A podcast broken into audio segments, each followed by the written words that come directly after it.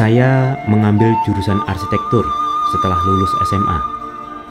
Itu adalah jalur formal yang perlu saya tempuh untuk menjadi arsitek. Saya masuk ketika terjadi transisi kebijakan, di mana bila sebelumnya untuk pendidikan sarjana strata 1 diperlukan 165 SKS, maka sekarang cukup 144 SKS saja. Dengan demikian, bila sebelumnya diperlukan waktu lima tahun untuk lulus, sekarang hanya empat tahun sudah bisa menyelesaikan pendidikan. Apa yang saya peroleh di perguruan tinggi tentu sangat berguna dalam hari-hari saya menjalani profesi. Tetapi, selain ilmu, pengetahuan, dan keterampilan yang saya peroleh di kampus, saya merasa banyak sekali bekal yang saya dapatkan dari kehidupan yang saya jalani. Bahkan, terkadang saya merasa ada hal-hal penting yang harus dimiliki arsitek yang tidak diajarkan di bangku kuliah. Wajar. Maka, universitas saya sebetulnya adalah kehidupan, karena di sanalah saya memperoleh kuliah yang sebenarnya. Ini bila mengacu bahwa kuliah berasal dari bahasa Arab kuliah yang artinya paripurna atau menyeluruh. Lawannya adalah juz'iyah atau fakultatif. Kelihatan bila kita salah kaprah ya dengan kuliah di fakultas hari ini. Mencari keluasan dan universalitas di ruang yang sempit bernama fakultas. Oke lah, wacana itu nanti saja. Saya telah menyampaikan di paparan sebelumnya bahwa menjalani profesi arsitek adalah menjalani kehidupan sebagai manusia. Artinya sebagai manusia kita adalah makhluk lahir dan batin. Ada ilmu yang dipelajari dengan otak, ada ilmu yang perlu diserap dengan hati. Ketika saya menyebut lahir dan batin, sebetulnya saya tidak ingin memisahkan seolah itu adalah dua hal yang berlainan. Keduanya adalah satu simbiose dengan adonan yang tepat dengan keberadaan sesuai fungsinya masing-masing. Secara sederhana dapat dikatakan bahwa lahiriah adalah bentuk paling sederhana dari batiniah. Kita pahami itu. Ilmu adalah cahaya karena sifatnya menerangi kegelapan pikiran dan hati. Maka perlu disiapkan wahana yang pas bagi berlabuhnya ilmu pada anak manusia. Ilmu yang sama akan memiliki nilai yang berbeda-beda ketika diserap oleh manusia satu dan lainnya. Dan ketika nanti diimplementasikan dalam kehidupan akan memiliki rentetan yang juga berbeda. Ini yang sementara orang menyebut ilmu sebagai berkah. Maka rancangan yang dihasilkan arsitek diharapkan tidak hanya indah secara indrawi, tetapi memiliki makna ruhani karena dilingkupi berkah Tuhan tadi. Sehingga arsitektur yang dihasilkan merupakan doa bagi aktivitas yang diwadahinya nanti. Berkah. Ilmu berasal dari Tuhan, dan Tuhan selalu bersikap pengasih juga penyayang. Maka semua dan setiap manusia memiliki peluang yang sama untuk mengunduh ilmu tersebut. Hanya saja ada yang memperoleh dalam kapasitas dimurkai, dibiarkan, diizinkan, atau diperintahkan.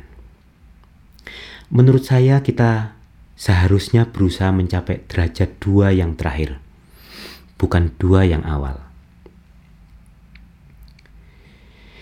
Memang Tuhan memiliki cara bermacam-macam untuk menyematkan ilmu pada diri manusia. Salah satunya adalah transfer ilmu dari guru kepada murid, dari dosen kepada mahasiswa. Ini cara yang paling umum untuk mendapatkan ilmu, dan bagi saya itu cara yang paling tepat. Karena cara-cara lain di samping lama dan tidak terarah juga tidak memiliki jaminan kesahihan sebuah ilmu. Walau tidak menafikan, tapi dalam bahasan ini saya tidak ingin membicarakan transfer ilmu jalur khusus seperti jalur laduni.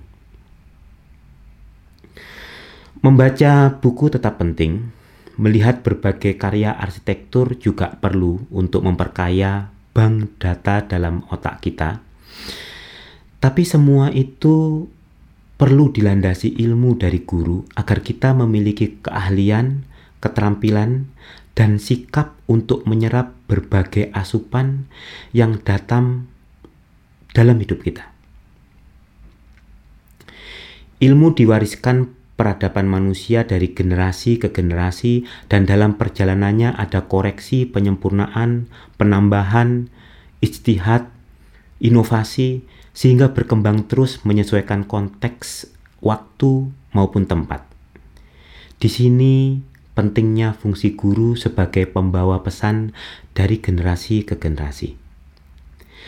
Dengan fungsi yang demikian, guru tidak hanya penting, tetapi juga suci, karena ada nilai kemuliaan yang dikandung dalam tugas tersebut, menyampaikan cahaya Tuhan kepada umat manusia. Dengan demikian, guru dituntut tidak hanya memiliki kompetensi akal pikir, tapi juga sikap budi. Tidak hanya pintar, tapi juga bijaksana. Maka, apabila guru tidak bisa meninggalkan perbuatan tercela, sesungguhnya sudah tidak layak lagi menyandang predikat tersebut. Katakanlah tingkat pendidikan guru juga penting, tetapi kedalaman olah rohani lebih penting lagi agar dia tetap berpredikat guru. Murid sebagai wadah yang menerima cahaya selayaknya memiliki sikap yang pantas kepada guru sebagai pemantul cahaya. Hormat dan tawaduk dalam sikap, pikiran, serta dalam hati menjadi kewajiban setiap murid agar ilmu yang tertransfer dalam dirinya memiliki cukup muatan rohani sebagaimana fitrah manusia. Pengetahuan tentang garis, bidang, dan ruang tidak hanya berhenti pada bentuk fisik, tetapi makna batin dan nilai rohaninya. Karena garis tidak hanya garis yang tergambar di kertas, bidang tidak hanya permukaan material bangunan, ruang tidak hanya sesuatu yang terbatasi oleh dinding. Tetapi di dalamnya terkandung suasana, rasa, dan akhirnya jiwa bangunan. Guru dan murid bisa melakukan transfer ilmu, pengetahuan, keterampilan, dan olah batin di mana saja. Bisa saja disebut sekolah, perguruan, padepokan, pesantren, atau istilah yang lainnya lagi. Tapi penting digarisbawahi bahwa itu adalah tempat memendarnya cahaya. Bahwa perguruan adalah tempat yang mulia. Maka dia harus dikelola dan dijalankan dengan cara yang mulia juga. Sekolah dan perguruan adalah tempat menempa hal-hal yang bersifat fisik dan non-fisik. Tujuannya adalah mempertajam pikiran dan memuliakan jiwa. Maka penting untuk tidak dikotori hal-hal remeh seperti uang dan perkara dunia lainnya.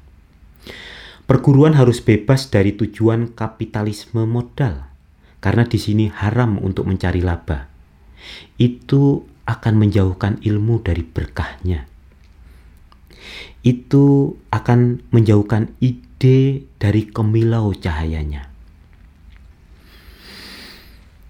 Maka semua yang terlibat di pendidikan untuk arsitek harus mendasari langkahnya dengan niat yang baik sebelum langkah pertama akan diambil.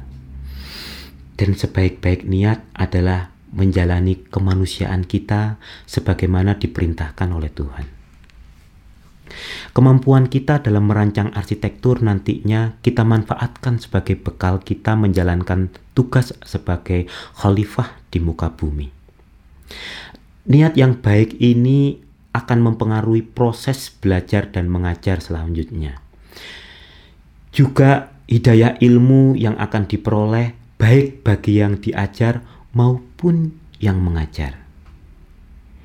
Ya, juga bagi yang mengajar. Karena saya meyakini ilmu yang sama yang diajarkan akan melahirkan pemahaman yang lebih kaya, bahkan dapat melahirkan ilmu baru lainnya. Dengan demikian, ilmu tidak akan habis ketika dibagikan, bahkan akan berkembang.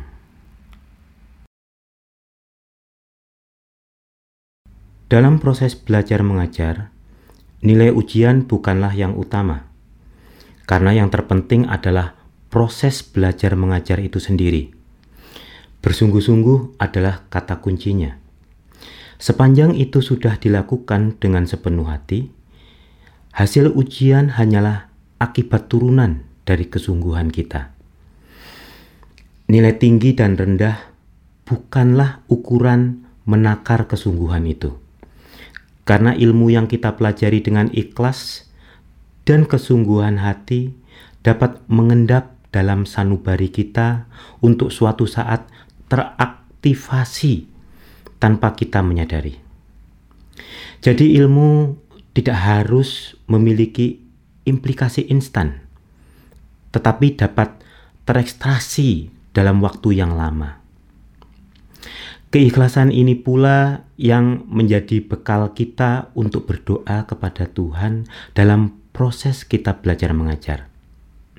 Karena upaya apa pun kita dalam mendesain dan melaksanakan pembangunan, tidak ada yang bisa membuatnya berhasil kecuali Tuhan mengendaki berhasil. Dan apa pun yang menjadi kehendak Tuhan, itu yang terbaik buat kita. Maka dalam hal pendidikan bagi arsitek, kita perlu membenahi perihal konsep guru dan murid, perihal wadah pendidikan, perihal niat dan kesungguhan, perihal proses dan hasil pendidikan, serta tidak melupakan faktor Tuhan yang terlibat di dalamnya.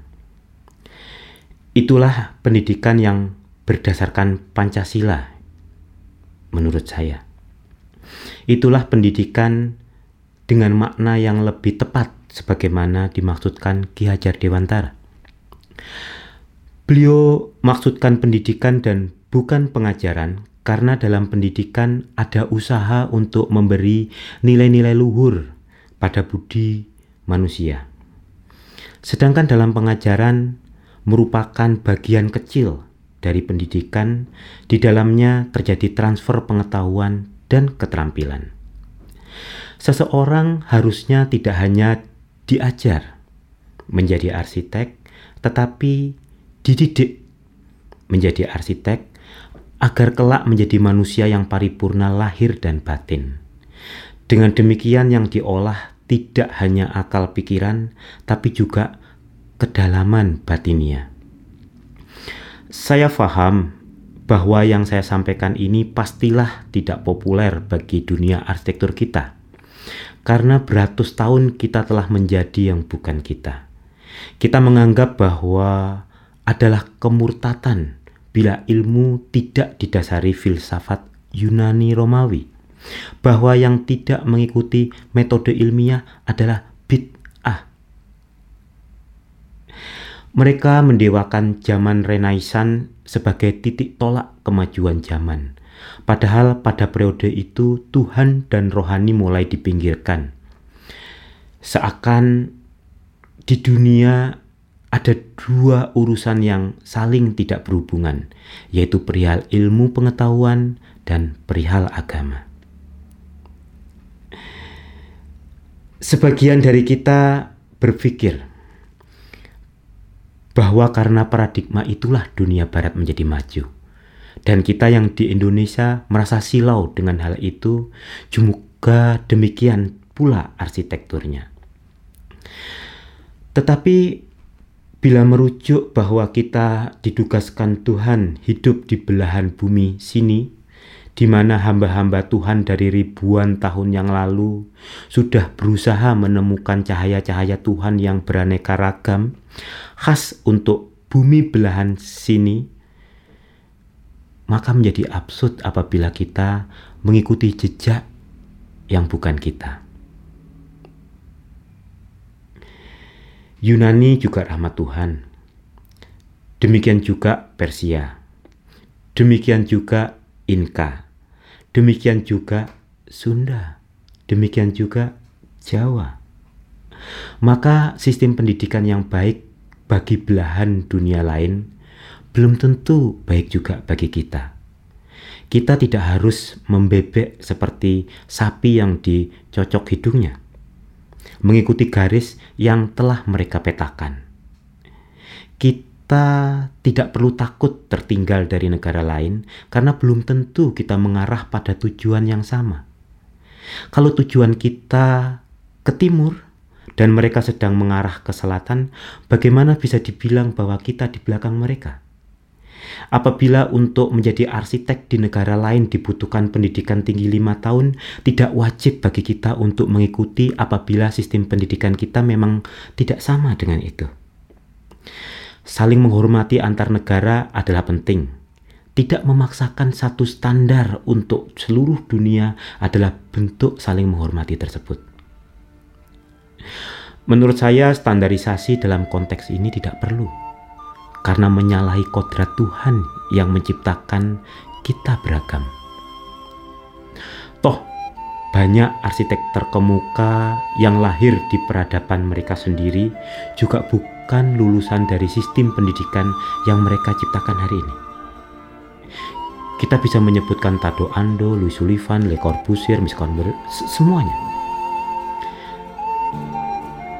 Mereka adalah arsitek-arsitek yang diakui karyanya tetapi tidak memiliki ijazah pendidikan formal. Maka mestinya kita semua memikir ulang sistem pendidikan arsitek yang kita formalkan tersebut.